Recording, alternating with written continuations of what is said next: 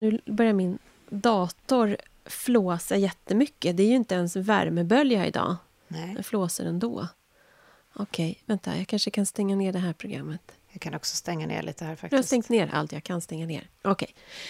Nej, men... ehm, sommar och sol, eller? Ja, Har du det hos dig? inte just nu, eller ja, lite blandat. Men eh, jag har ju varit i mycket sol på semester, så jag klagar inte. Det är bra med lite regn också. Jag ska inte säga att jag har suttit här och jobbat hela sommaren, för det stämmer inte. Jag har också haft sommar och sol. Skönt att höra. Men just nu så jobbar vi lite. Nu, just nu jobbar vi lite mitt i sommaren. Det, jag tycker ändå det är ganska skönt. Ja, med våra sommaravsnitt. Special livslångt sommar. Fyra stycken. Mm.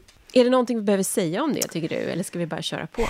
Nej, men jag tänker att vi har ju tänkt, och särskilt du har ju tänkt mycket, hur, eh, hur lyssnar man lite olika på podd? Och kanske särskilt då på sommaren. Hur ser fokuset ut på sommaren? Vi kanske kan säga att vi har tänkt att vi ska få höra kanske lite fler röster än vi gör annars. Det är ju väldigt vanligt att vi har en gäst och så är det jag och kanske någon mer i ett program. Tänkte vi ta tillfället i akt här under sommaren att låta lite fler röster höras för att det är kul. Vi har bara slängt in jättemycket röster Ja. i de här avsnitten. Yes, jättemycket röster. Om jättemycket viktiga saker. Ja, men du, vi kör. Jajamän. Livslångt. En podd om lärande.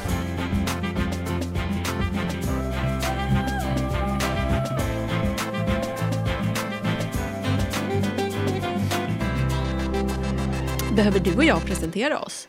Sandra Löv, Katarina Petschak. Ja, det är vi. Vi Ja. har ju vi har hört här förr, men om man är ny så är man hemskt välkommen. Och det här är vi. Sandra är producent och jag brukar programleda den här podden. Ja, och när vi har funderat på de här sommaravsnitten och ämnena så är det ju det att vi försökt identifiera ämnen som dyker upp ibland faktiskt i nästan varje avsnitt men som vi inte har gjort någon riktig fördjupning i det enskilda ämnet. Och eh, i det här avsnittet så ser det här ämnet med att byta bana. Precis. Inriktning i sitt liv. Jag har ju suttit i en del projekt där det till och med kallas yrkesväxling. Men sen kanske man kan byta bana utan att ordet yrke behöver vara med. Men där man liksom har en benägenhet att hoppa på något helt annat. Ett helt annat jobb. Växla om, som en så här tågväxel. Börja köra åt ett annat håll. Det är väl vad vi tänkte ägna oss åt idag. Och jag har ju noterat att Dagens Nyheter, de har kört en hel artikelserie om det här i sommar eftersom att det då antagligen är vanligt att sitta på semestern och fundera över sitt jobb och sin vardag Jajamän. och, och så. Har du gjort det i sommar? Du, jag gör det varje gång jag är ledig, ska jag säga. Men jag vet inte, och det finns såna här eh, abstrakta drömmar som jag skulle vilja ha. Jag bodde på något pensionat här under semestern en natt och då var det några som hade skapat det utifrån och hoppat av andra jobb. Sådana saker. Trädgårdsmästare kanske jag borde bli. Eller så. Till hur vill jag liksom ha den vardag jag redan har, fast på ett annat sätt. Så det händer mig varje gång jag är ledig. Yes. Jag, eh, jag känner ju själv att det här ämnet är, är... Det är egentligen inte mitt ämne. Det känns som att jag yrkesväxlar ganska ofta som det är redan. Det är som att jag håller mig inom samma område men att jag, jag lägger till ny kunskap och så är det liksom en lite annan snedbana. Det är inte en hel omvändning men det är ändå... Jag har mycket på min palett så att säga. Men du har aldrig velat bryta helt Jo. in i något helt annat? Jo, men jag har inte kommit på något. Och jag kan säga att den här känslan dök upp första gången när jag var 23. Nu såg jag att du bara spärrade upp ögonen. 23! Ja. Det, då har man knappt börjat. Men Nej. det var för att då hade jag, då hade jag redan hunnit eh, jobba en sväng på Sveriges Radio. Och var, jag var trött, jag hade jobbat väldigt mycket. Jag ska inte säga att jag var utbränd, men jag var ganska less. Och då åkte jag till en eh, eh, arbetsförmedling som fanns då. Jag vet inte hur det ser ut idag, men då, då var det någon arbetsförmedlare där som satte mig framför en dator så skulle jag göra ett test för att se vilka yrken jag skulle passa som. Just det. Och jag fick tre förslag. Och nu blir man ju sjukt nyfiken. Ehm, mm. Det var alltså präst, Wow. DJ eller författare. Ja, men jag kan ändå se någon form av röd tråd, tycker jag. DJ får jag kämpa lite då. Präst och författare känns ju ändå liksom Preach the word. Men DJ också, fast i en annat format. Ja, och det, e, efter det här så kände jag så här, nej jag kan inte, jag, jag har inte gjort något sånt här mer test någon gång med vilket yrke jag skulle passa för. För jag tänkte att det var ganska komplett. Mm. Det var ändå, det kändes både väldigt långt ifrån mig och samtidigt väldigt nära. För som du säger, du kan se präst, författare, att man Mm. preach the word. Och sen så har jag jobbat en hel del på P3 och mel melodiradio. Som att, och att jag ett tag även jobbade så att jag eh, kurerade spellistor Du ser, det är ju ett slags. DJ-jobb. Så att jag har ju faktiskt gjort lite DJ-jobbande. Så att, eh, jag, jag har ändå lyckats pricka in det där. Men... ehm, Och författare blev du ju typ Ja. också. ja. Ehm, men ja, det är väl det där med präst då. Då var det kvar. Vet ju inte, måste man vara troende eller? Jag tror att det kan vara ett kriterium. Ja. Det känns lite som att det skulle kunna vara ett sånt så kallat skallkrav. Mm. Okej, jag, jag får fortsätta att fundera. Ja, du får fortsätta fundera.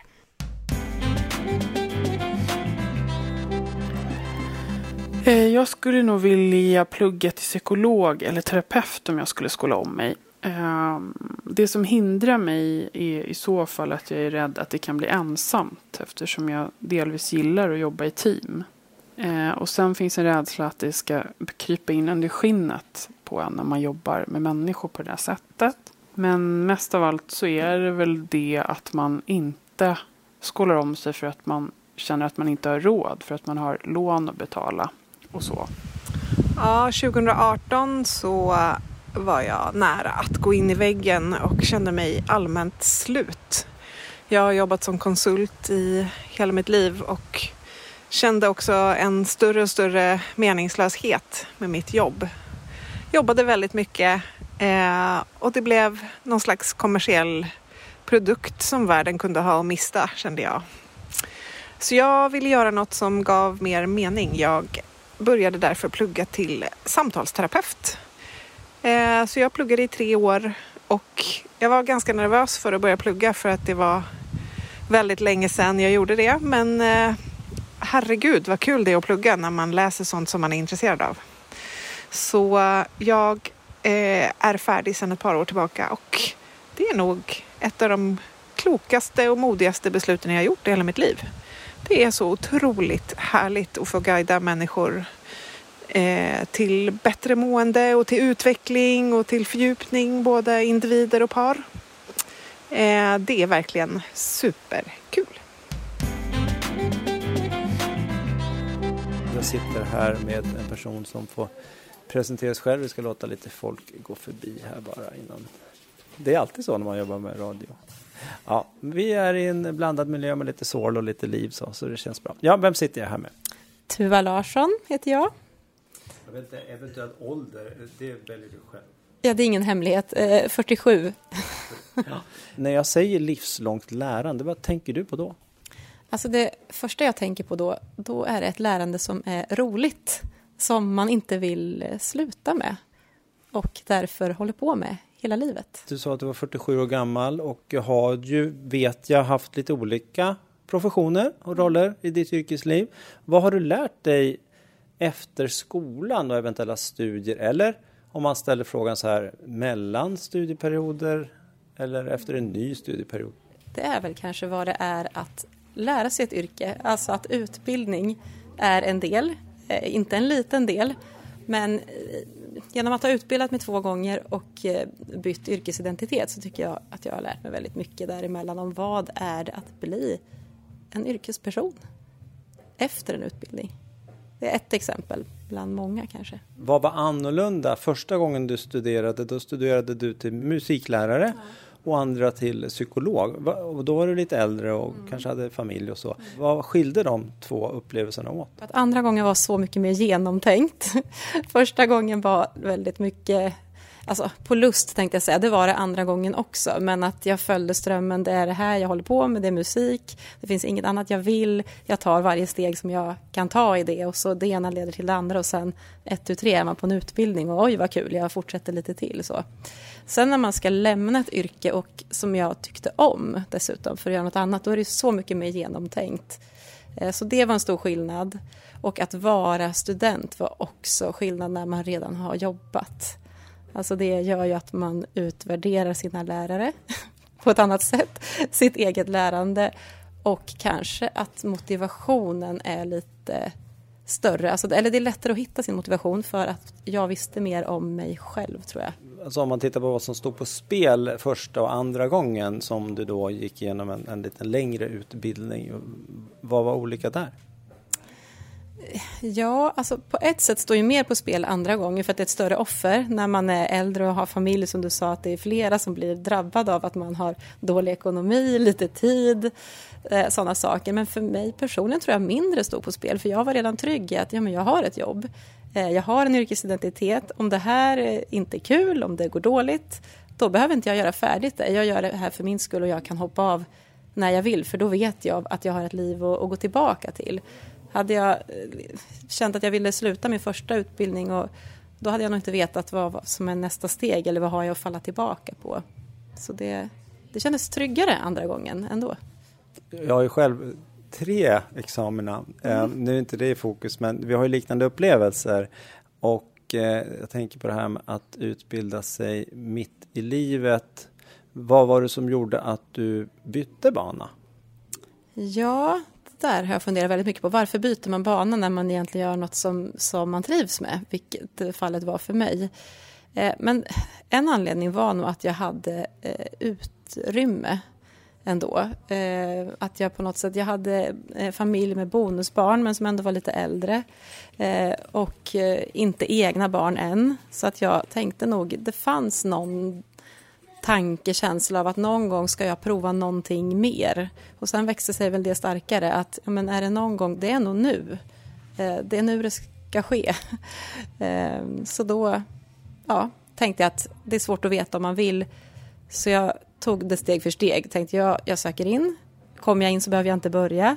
Börjar jag så behöver jag inte fortsätta. Och sen, jo men det här känns ju jättebra. Och ehm, då blir man ju lite nyfiken på om det finns några tankar, om det är något nytt frö som har såtts, om en, en ny inriktning eller om du kommer gå vidare och lära dig någonting annat, en, en ny profession? Nej, men det tror jag inte faktiskt.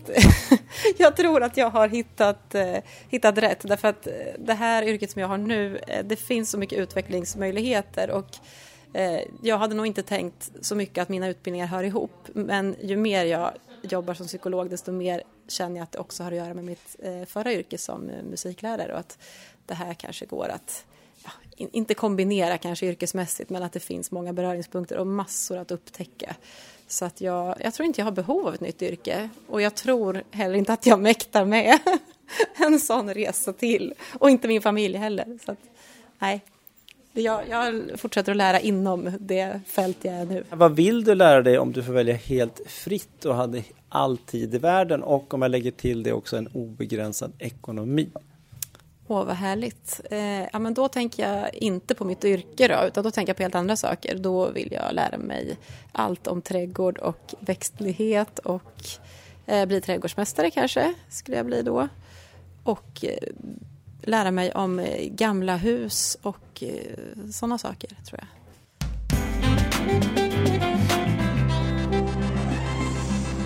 Hej, jag heter Golokonda och just nu sitter jag på en uteservering i München och väntar på att ett nattåg ska gå till Ljubljana. Men det är inte det jag ska berätta om, utan jag ska prata om min yrkesswitch som jag har gjort. Jag var ju då kontrabasist, alltså kulturarbetare tidigare. Men för att vara ärlig så kände jag att jag inte hade så mycket av en karriär då. Eh, det jag sysslade med var något annat på något sätt.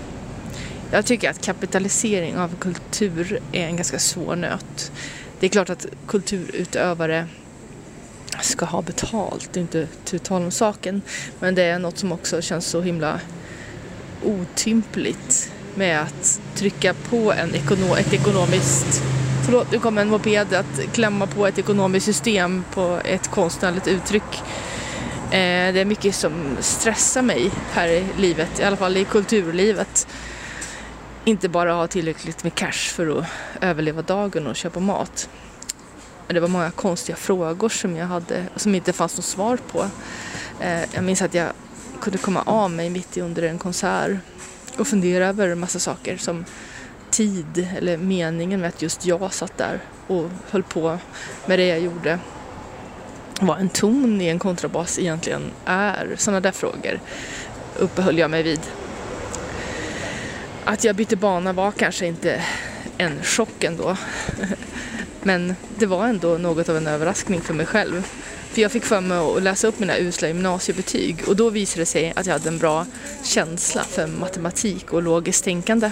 Och det var ju en, en, en konstig upplevelse, det hade jag inte räknat med. Så steget till programmering var inte så långt och grejen är att det kändes så lätt. Helt plötsligt så låg en helt ny yrkesframtid där och, och bara lockade. Jag blev en attraktiv person på arbetsmarknaden och det hade jag inte varit med om tidigare kan man ju säga. Och alla frågor var lätta att besvara. Varför jag satt där och skrev kod. Där kom en motorcykel till.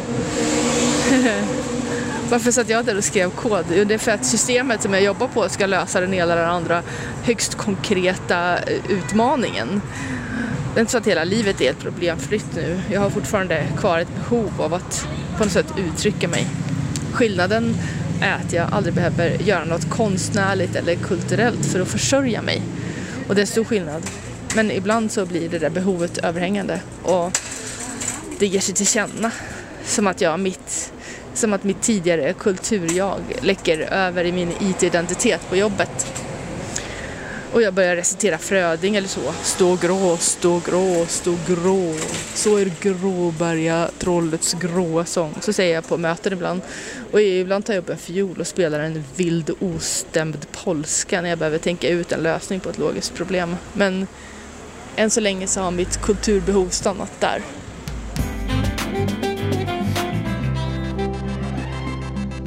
Att byta bana, Göran Fröst.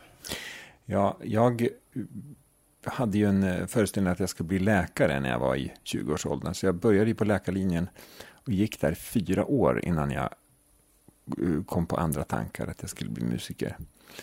Um, var väl inte riktigt så där att jag kom på and, plötsligt kom på andra tankar, utan det där var ju någonting som växte inom en och grodde, grodde på en på något vis. Och det var också inget lätt beslut och ett beslut som var väldigt så här känslomässigt. Och jag minns att det var eh, en sak som jag alltid har sökt efter, tror jag, som är ju fokus. Jag kommer ihåg att, att eh, det som var roligt i, i, eh, när jag var på läkarlinjen, det var den här känslan av att det var ibland att det var här, nu, det är här det händer. Och så där. Jag minns att jag pratade med en kirurg en gång som sa att det var att han hade funderat på att bli skådespelare för att han skulle um, för att jag minns, för jag, jag gick med de här tankarna och så bollade jag, med, bollade jag med honom där. För vi var lite förtrolig och han sa att ja, men det, när jag opererar då, då är jag helt i stunden, jag är fokuserad på uppgiften. Och den där känslan av fokus är ju någonting som alla söker efter tror jag. Många, folk som är funtade som jag eh, söker efter det här att, att, att, att känna att man är precis här nu och fokuserad på uppgiften. Och som musiker så är det ju vimlare av sådana ögonblick eh, på konserter och sådär. Um, men så när man då ska byta, att fatta sådana här beslut, det, det, det, var ju någonting som skedde liksom, det tog ju, för mig tog det flera år. Ehm, att eh, bara alla, varje gång folk frågar men, ska, men du, har, du bestämt dig för det här nu? Så då dyker förstås tankarna upp, alltså har jag det verkligen? Och så minns jag, så där var det. Så det tog, det tog en lång tid innan, innan det liksom var helt färdigt och hos mig själv. Även om jag gick och jag övade, jag gick på musikhögskolan och jag övade och fick jobb och till och med. Och så. Eh, så det var en, en stor känslomässig grej som eh, var, blev möjlig på grund av att man hittar, hittar fokus hela tiden för, för, det man, för ens strävanden. Eh, det, det, var, det var ju många. Så här. Jag minns att, för att jag minns att jag, eh, var, jag var hemskt taskig med mig själv. Jag skulle, här, om jag, först, förstås, jag skickade ju in en ansökan till Musikhögskolan och då var det så här, ja om jag kommer in, det är kanske inte så konstigt, kommer jag in så kanske jag går. Ja, så kom jag in och så började jag. Men så minns jag att det, jag gjorde sådana här saker. Jag söker det här stipendiet. Om jag får det, då, då kan jag få fortsätta. För då så, och, så, och så fick jag det och så fortsatte jag och då fick jag studera ett år till. När jag hade gått färdigt Musikhögskolan, då sa jag okej, okay, jag söker det där jobbet, jag söker ett jobb i Sveriges Radio Symfoniorkester. Får jag det där jobbet, då, då, får jag, då får jag vara musiker. Och så fick jag det jobbet och då fick jag vara musiker. Det var, I efterhand har jag tänkt så här, åh, varför höll jag på så där? Det Men det låter inte givet. Det låter som att du inte tror på valet, utan du hela tiden testar dig fram. Ja, är jag verkligen musiker nu? Ja, precis. Det är liksom så, jag menar, det handlar väldigt mycket om att eh, att det är en sån här tvivel på, ja tvivel är det ju, att man säger, är jag verkligen är jag, är jag tillräckligt bra? Om jag inte är tillräckligt bra för att, för att få just det där, då kan jag lika gärna skita i det. Det var absolut sådana tankar jag hade. Det är det så fortfarande? Mm, nej, det är det inte. Långt tidigare i livet så träffade jag en man som, han var från Östersund, precis som du. Han hade ett jättefint quote som han hade hittat på själv. Och det var bara att, jag menar, jag är intresserad av musik och en gång kommer jag att dö. Och, och det var därför han eh, skulle han spela gitarr och skulle bli musiklärare. Um, och det är ju ett, eh, om man nu ska bli musiker och, och ge sig själv lite ro så är väl det ett eh, mycket skönare förhållningssätt. Ja än det som jag höll på med. Ja. Vad var hans förhållningssätt? Att han blev musiker bara rakt av? Eller, ja, han hade börjat musikhögskolan och eh, liksom när man diskuterar de här frågorna, liksom, varför blir du musiker? Ja, men vadå då? Jag är ju intresserad av musik och en dag kommer jag att dö, så det är väl lika bra jag håller på med det här nu. Ja. Har du ångrat dig någon gång att du inte blev läkare då? Nej, det har jag inte. Mm. Så här har jag tänkt många gånger att nu, nu är jag musiker och har jobbat massor med år. Det är klart att det kommer knegiga, knegiga tillfällen. Men liksom musik, området musik är så stort. Det är det. Man kan ju, det, är både att, det är som att simma i Stilla havet. Du kan ju simma hur långt som helst åt alla håll, även i inom området musik. Så att det, det, att, det, att det skulle ta slut eller bli liksom tråkigt, det, det, det är nog aldrig någonting jag tänker på egentligen idag.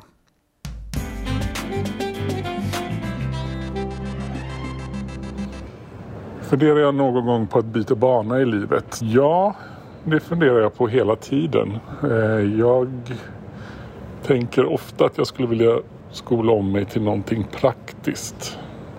Jag jobbar som programmerare och sitter på kontor hela tiden och inomhus hela tiden och tänker att det skulle vara ganska så roligt att typ vara trädgårdsmästare eller jobba i skogen eller ute till sjöss eller vad som helst. Men i grund och botten så har jag nog bara massa romantiska föreställningar om hur kul jag skulle kunna tycka det var. Och i praktiken så är jag för bekväm av mig.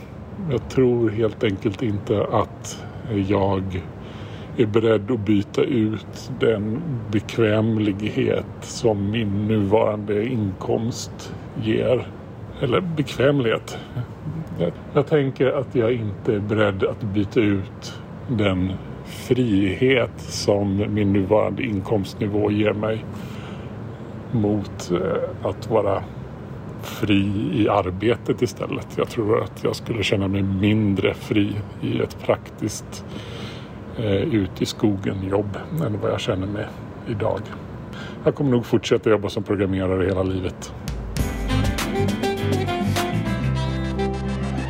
köra bara? Eller? Ja, ja, det är igång. Jag trycker på, nu rullar jag, trycker på record. Recording in progress. Ja, och jag ska bara kolla att staplarna inte distar och sådär. Det ser väl okej ut. Men du, eh, Fredrik Vass. Ja.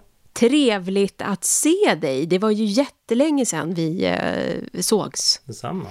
Samma dag som jag och Katarina eh, funderade på att vi skulle göra ett avsnitt om det här med att byta bana så dyker, nu ska jag öppna din Facebook-profil här, så dyker alltså upp eh, ditt Facebook-inlägg från i slutet på maj. Just det. Och du har då lagt upp ditt examensbevis. Och du har bytt bana.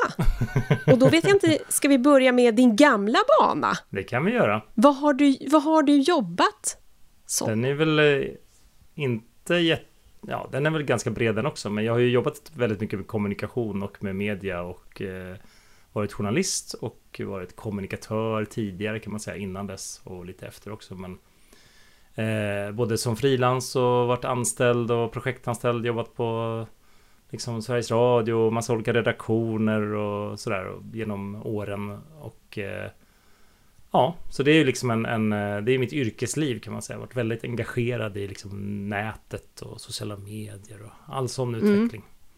Tidigt sådär digitaliseringsexpert-titel. Kan man ja, väl säga. eller sån här, sj- in, in, jag höll på att säga självutnämnd, men jag menar tvärtom. Du vet när, man, när någon ska sätta en titel på en, när Ja. man själv in, inte har valt det själv, då kan det vara sådär att expert på sociala medier. Men, det, men som mest var väl det kanske, ja men tio år sedan ungefär, när, när liksom Facebook eh, slog igenom stort i Sverige, Spotify lanserades. Det var mycket sådana där stora händelser som, Mm. som eh, då var det väldigt mycket, eller bevakade mycket sånt. Mm. Och därför så är det ju då det här examensbeviset tycker jag blir extra intressant eftersom att det står här Marina läroverket sjöutbildning. Du har alltså en yrkeshögskoleexamen med inriktning skärgårdskapten. Yes. Steget! Det här är fantastiskt. Ja, jag hade en eh, dröm när jag... Eller så här. Jag har vuxit upp med båt, med segelbåt i Stockholms skärgård bland annat och hade liksom en romantisk bild av skärgården. Och kände väl kanske mycket under pandemin också när man distansjobbade mycket och satt hemma mycket. Och i mitt fall satt liksom in, det kändes som att man satt, inte inlåst, men man satt liksom inomhus mycket och tittade på en skärm. Och så kände jag att, ja men är det här verkligen livet liksom? Ska det vara så här nu? Eh, och det kunde jag väl i och för sig ha känt tidigare också. Jag har ju jobbat framför skärm länge liksom. Men, men just att man inte hade så mycket annat heller, inte så mycket andra aktiviteter. Mm. Och då började jag fundera lite på så här att, att jag älskar skärgården och jag tycker det är så himla alltså, fina minnen därifrån och tänkte liksom hur kan jag komma närmare skärgården? Och det var inte givet att plugga till att bli kapten utan det var lite mer så här det skulle kunna slutat i att jag kanske flyttade till skärgården, alltså Mm. flyttade Mm. ut eller eller liksom på något sätt eller jobbmässigt hittade ett sätt att liksom ja helt enkelt komma ut mer vara utomhus mer och vara liksom i skärgården mer där någonstans börjar och sen är det lite oklart hur jag så att säga landade i den här ut jag hitt, på något sätt hittade jag den här utbildningen då som är i Stocksund i Stockholm eh, som heter då skärgårdskapten, en tvåårig utbildning. Med, och alla sådana här yrkes eh, YH-utbildningar som det heter har ju väldigt långa praktikperioder. Mm. Så de har ju väldigt bra koppling mellan liksom utbildning och den bransch man sen ska jobba i. Och så sökte den en vecka efter att eh, deadline var så sökte jag, men det var okej tydligen att söka efter deadline. Och så kom jag in och då, det här var ju liksom på maj, juni och sen var det start augusti 2021 var det start på den utbildningen. Och liksom på den vägen var det. En heltidsutbildning, CSN.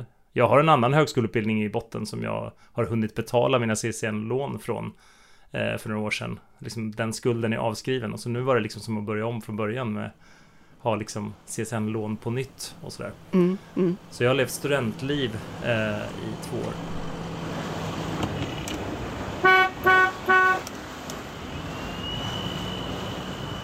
Jag får också så här lite skolstartsvibbar här med, med nyvässade eh, blyertspennor Ja. och, och, och ryggsäck och... Man går till eh, uppropet liksom ja. och ska se vilka, vilka, vilka är i min nya klass här, vilka klasskamrater kommer jag ha liksom. Det var ju otroligt fascinerande med liksom en klass som där den yngsta var liksom har nyss gått ut gymnasiet och den äldsta var ju över 60 liksom, i klassen. Det är en bra bredd. Ja, det är en, bra otrolig bredd. Och vissa har levt i skärgården hela livet. Vissa har jobbat med helt andra saker.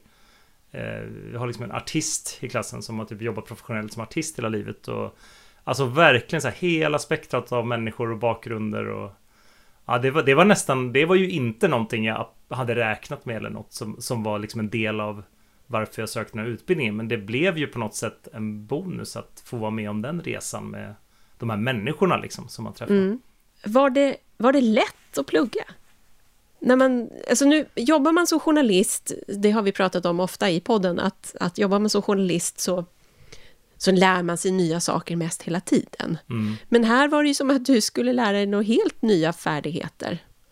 Jag tror att samma sak där att alla, eftersom alla hade olika bakgrund så jag med min teoretiska bakgrund kan väl säga att jag är van att skriva och processa information och kommunikation och sådär.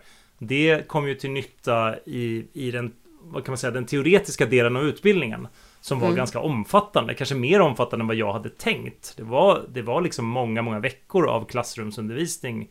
Och liksom, vi satt och räknade liksom gjorde lastberäkningar och så här tyngdpunktsförflyttningar när du lastar en båt till exempel. Vad händer Mm. när du ställer en container på fördäck liksom? Typ sådana där saker. Mhm. Och det finns ju massa formler för det och all- mycket sånt där liksom som man absolut aldrig hade funderat på förut. Så där kom Mm. ju det till nytta då medan jag kanske vad ska man säga, de rent praktiska, jag menar, vi har läst maskinkunskap och man, man blir ju liksom, läser hur motorer fungerar.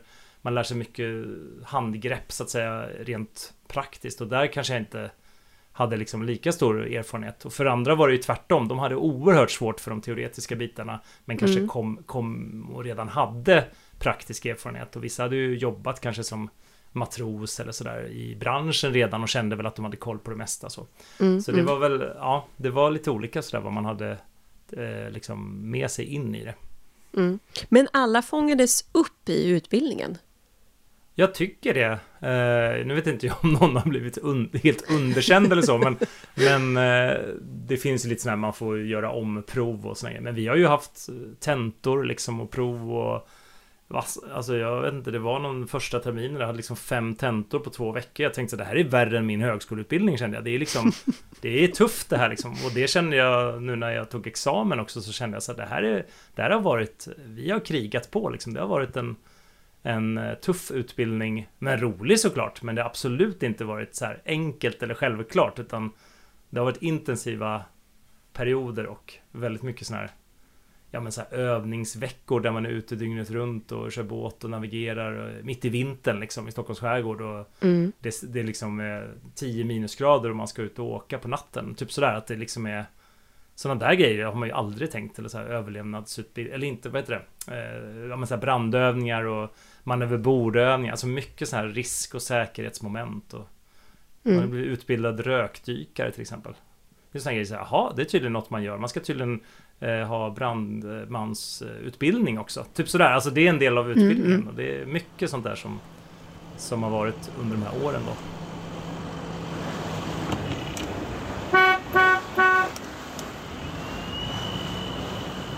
Sen så tyckte jag på de eh, Facebook-poster som du har lagt upp här nu i, i, i början av sommaren när du varit ute nu och, och varit kapten. Ja, precis.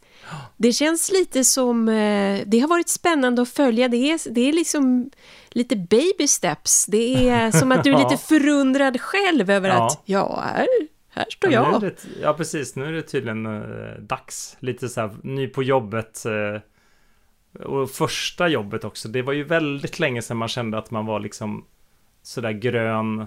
Så att man var liksom det första jobb man hade inom ett område. Utan Mm. har man haft en längre karriär då har man ju på något sätt byggt på sin sin liksom erfarenhet och bara på något sätt fort. Sen kan det vara olika grenar och olika företag man jobbar för och så, sådär. Men, men man står ju inte på noll när man börjar ett nytt jobb utan du har ju på något sätt en erfarenhet. Medan nu är ju enda erfarenheten egentligen är ju den, ut, den här utbildningen då. Så ska man liksom börja på något sätt på, på ruta ett och börja liksom samla erfarenhet och jobba sig upp i en ny bransch. För det är lite så det blir. Mm. Enligt dina Facebook-poster ska jag inte säga att du verkar som en nolla, men det är ju som att du är lite nollad. Som Ja, att det är nej, precis. verkligen från start.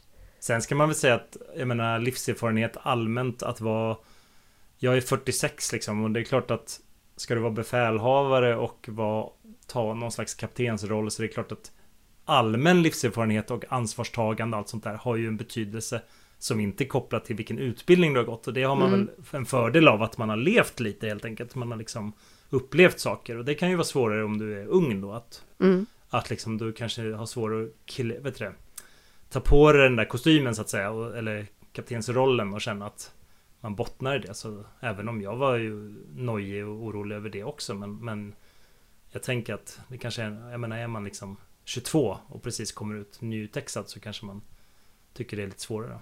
Vad, vad, vad skulle du säga till andra som eventuellt vill byta bana men tvekar? Men jag försöker, för att inte liksom helt drabbas av så här, panik över så här, har jag gjort rätt val och vad ska hända nu? Tänk om, jag inte, tänk om det här inte är något kul sen eller tänk om sådär. Så ja, dels en grej jag gjorde var ju att ta tjänstledigt. Jag sa inte upp mig från mitt gamla jobb, jag tog tjänstledigt. Och det får man ju Mm. göra i Sverige. Det är ju ganska bra Mm. i Sverige. Så man kan ta ledigt. Så har man redan ett jobb kan man gå den vägen. Men också att se på själva... Jag såg utbildningen som en eh, upplevelse i sig. Att liksom det är en resa i sig som är värd någonting oavsett om jag kommer börja jobba med det här eller inte. Så jag såg Mm. liksom, i och med att det också var en ganska praktisk utbildning med många moment och så, så såg jag det som att så här, ja ja, worst case så får jag ju liksom eh, vara ute och köra båt och göra roliga saker och lära mig massa om sjöliv och navigation och sånt där. Och så får liksom, då kanske jag blir en välutbildad fritidsbåtskapten eh, så att säga i värsta fall. Det är ungefär sådär att liksom Mm. att försöka tona ner liksom det här att det finns ett före och efter och att du aldrig kan gå tillbaka. För så är det ju inte. Du kan ju gå tillbaka. Du kan ju göra någonting. Det behöver inte vara tvåårsutbildning, det kan vara ettårsutbildning eller en halvår eller Du kan ju bara testa och se och liksom Ja, och så känner man efter så här under Under förloppets gång så att säga att var det här för mig eller inte och om det inte var för mig så tycker jag då det är ändå okej att bara säga ja men då det- jag lärde mig något på det också. Lite sådär. Mm. Man behöver inte känna att så här, jag, jag tar ett beslut nu som, som är permanent och evigt. Jag kommer aldrig kunna gå tillbaka. Utan tänk på det mer som en, en utflykt liksom, i en annan värld. Eller i en annan, eh, liksom, annat universum. Att så här, lite som när någon reser någonstans eller gör något annat. Eller man tar semester och så åker man till en konstig plats. Alltså det är lite så känns det ju. Att man liksom ger sig in i ett nytt område man inte vet hur det är. Så det är svårt att veta i förväg exakt så här, hur kommer det här vara liksom.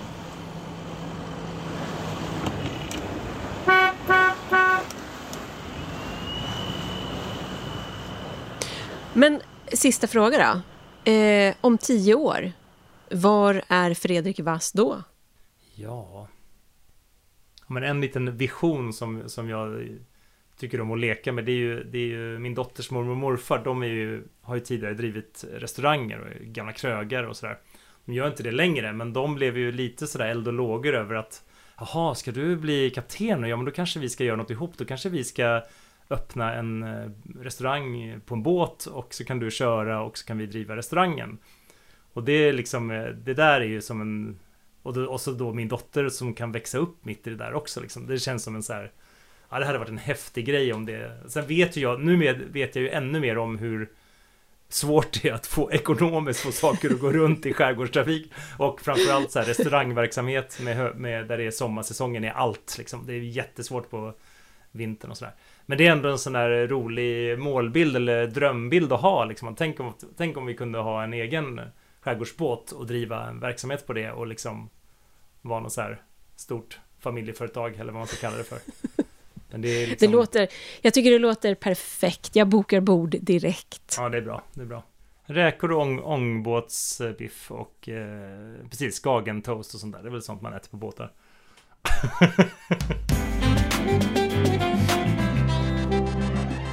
skulle vara kul att bygga saker, eh, odla saker. Eh, ja, någon form av odling tror jag. Mm, kanske någon eh, eh, bygga solparker skulle vara kul. Jag tänkte i många år att jag skulle jobba med det jag hade utbildat mig till i hela mitt liv. Typ. Sen vet jag inte riktigt om det var så att det eh, kom någon medelålderskris eller något sånt där. Så att jag, Eh, i höstas så började jag tänka på att nej, men nu ska jag sluta, nu ska jag skola om mig. Jag är 47 och tänkte, ska jag göra det någon gång så ska jag göra det nu. Och så pratade min pappa om det. Och då sa min pappa, Ja, det tycker jag faktiskt att du ska göra. Vad kul, det önskar jag att jag också gjorde. Så att eh, ja, nu ett halvår senare så ska jag börja plugga till eh, trädgårdsmästare. Helt annorlunda än, än det jag hade tänkt mig från ja, början när jag började liksom plugga.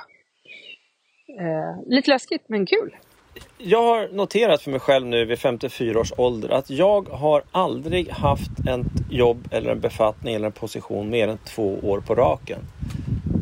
Det tycker jag är lite intressant att reflektera över för det visar väl att jag är en rastlös och otålig själ som verkligen vill lära nytt. Jag älskar den här lärkurvan när man hoppar på något nytt som man inte kan alls. Till exempel att bli lärare som jag försökte bli här för sex år sedan och lyckades med. Och det var vild panik i början. Hur gör man? Och sen den här liksom platån där jag känner nu kan jag det här. Jag börjar behärska det här. Jag kanske är bra på det här till och med. Den är den absolut bästa. Och sen kommer rutinen in och då blir jag orolig och vill vidare. Det har präglat mitt yrkesliv väldigt kraftigt. Men nu har jag bytt spår för nu tänker jag försöka hålla i och lära på djupet och se vad jag kan utveckla i min nuvarande position som lärare. Så jag har skiftat fokus lite grann. Från att byta bana ofta, byta position, yrkesbefattning ofta till att försöka sjunka in i någonting annat. Det tycker jag är spännande. Jag har inte tänkt eh, i de banorna. Däremot tänker jag ju i kontraster. Det är ju först när man har lämnat ett område och gjort något annat som man kan komma tillbaka till det med lite mer öppna ögon. Eh, så det är möjligt att jag, jag flyr en period från tungt läsande för att kunna återvända och förstå mycket mer. Så, så kan det ju vara. Det var allt för det här avsnittet av Livslångt. Tack för att du lyssnade, hälsar vi som har jobbat. Och det är då Katarina Petschak, Jonas Edlund och så jag, Sandra Löv. Eh, att gifta sig, att gå från att vara ensam utan förpliktelser mot någon annan till att vara gift och vara två. Det var ju en förändring. Och sen mm, att få barn, då fick vi ju tre barn. Eh, det ritar jag om kartan fullständigt. Eh, och det hade jag ingen aning om att eh, dessa två beslut är så omvälvande. Eh, så det, det, kräver ju helt andra saker av en. Så där har jag ju bytt bana, verkligen. Du har just hört Livslångt, en podd från RISE om allt det där man lär sig i livet. Vi hörs om en vecka igen.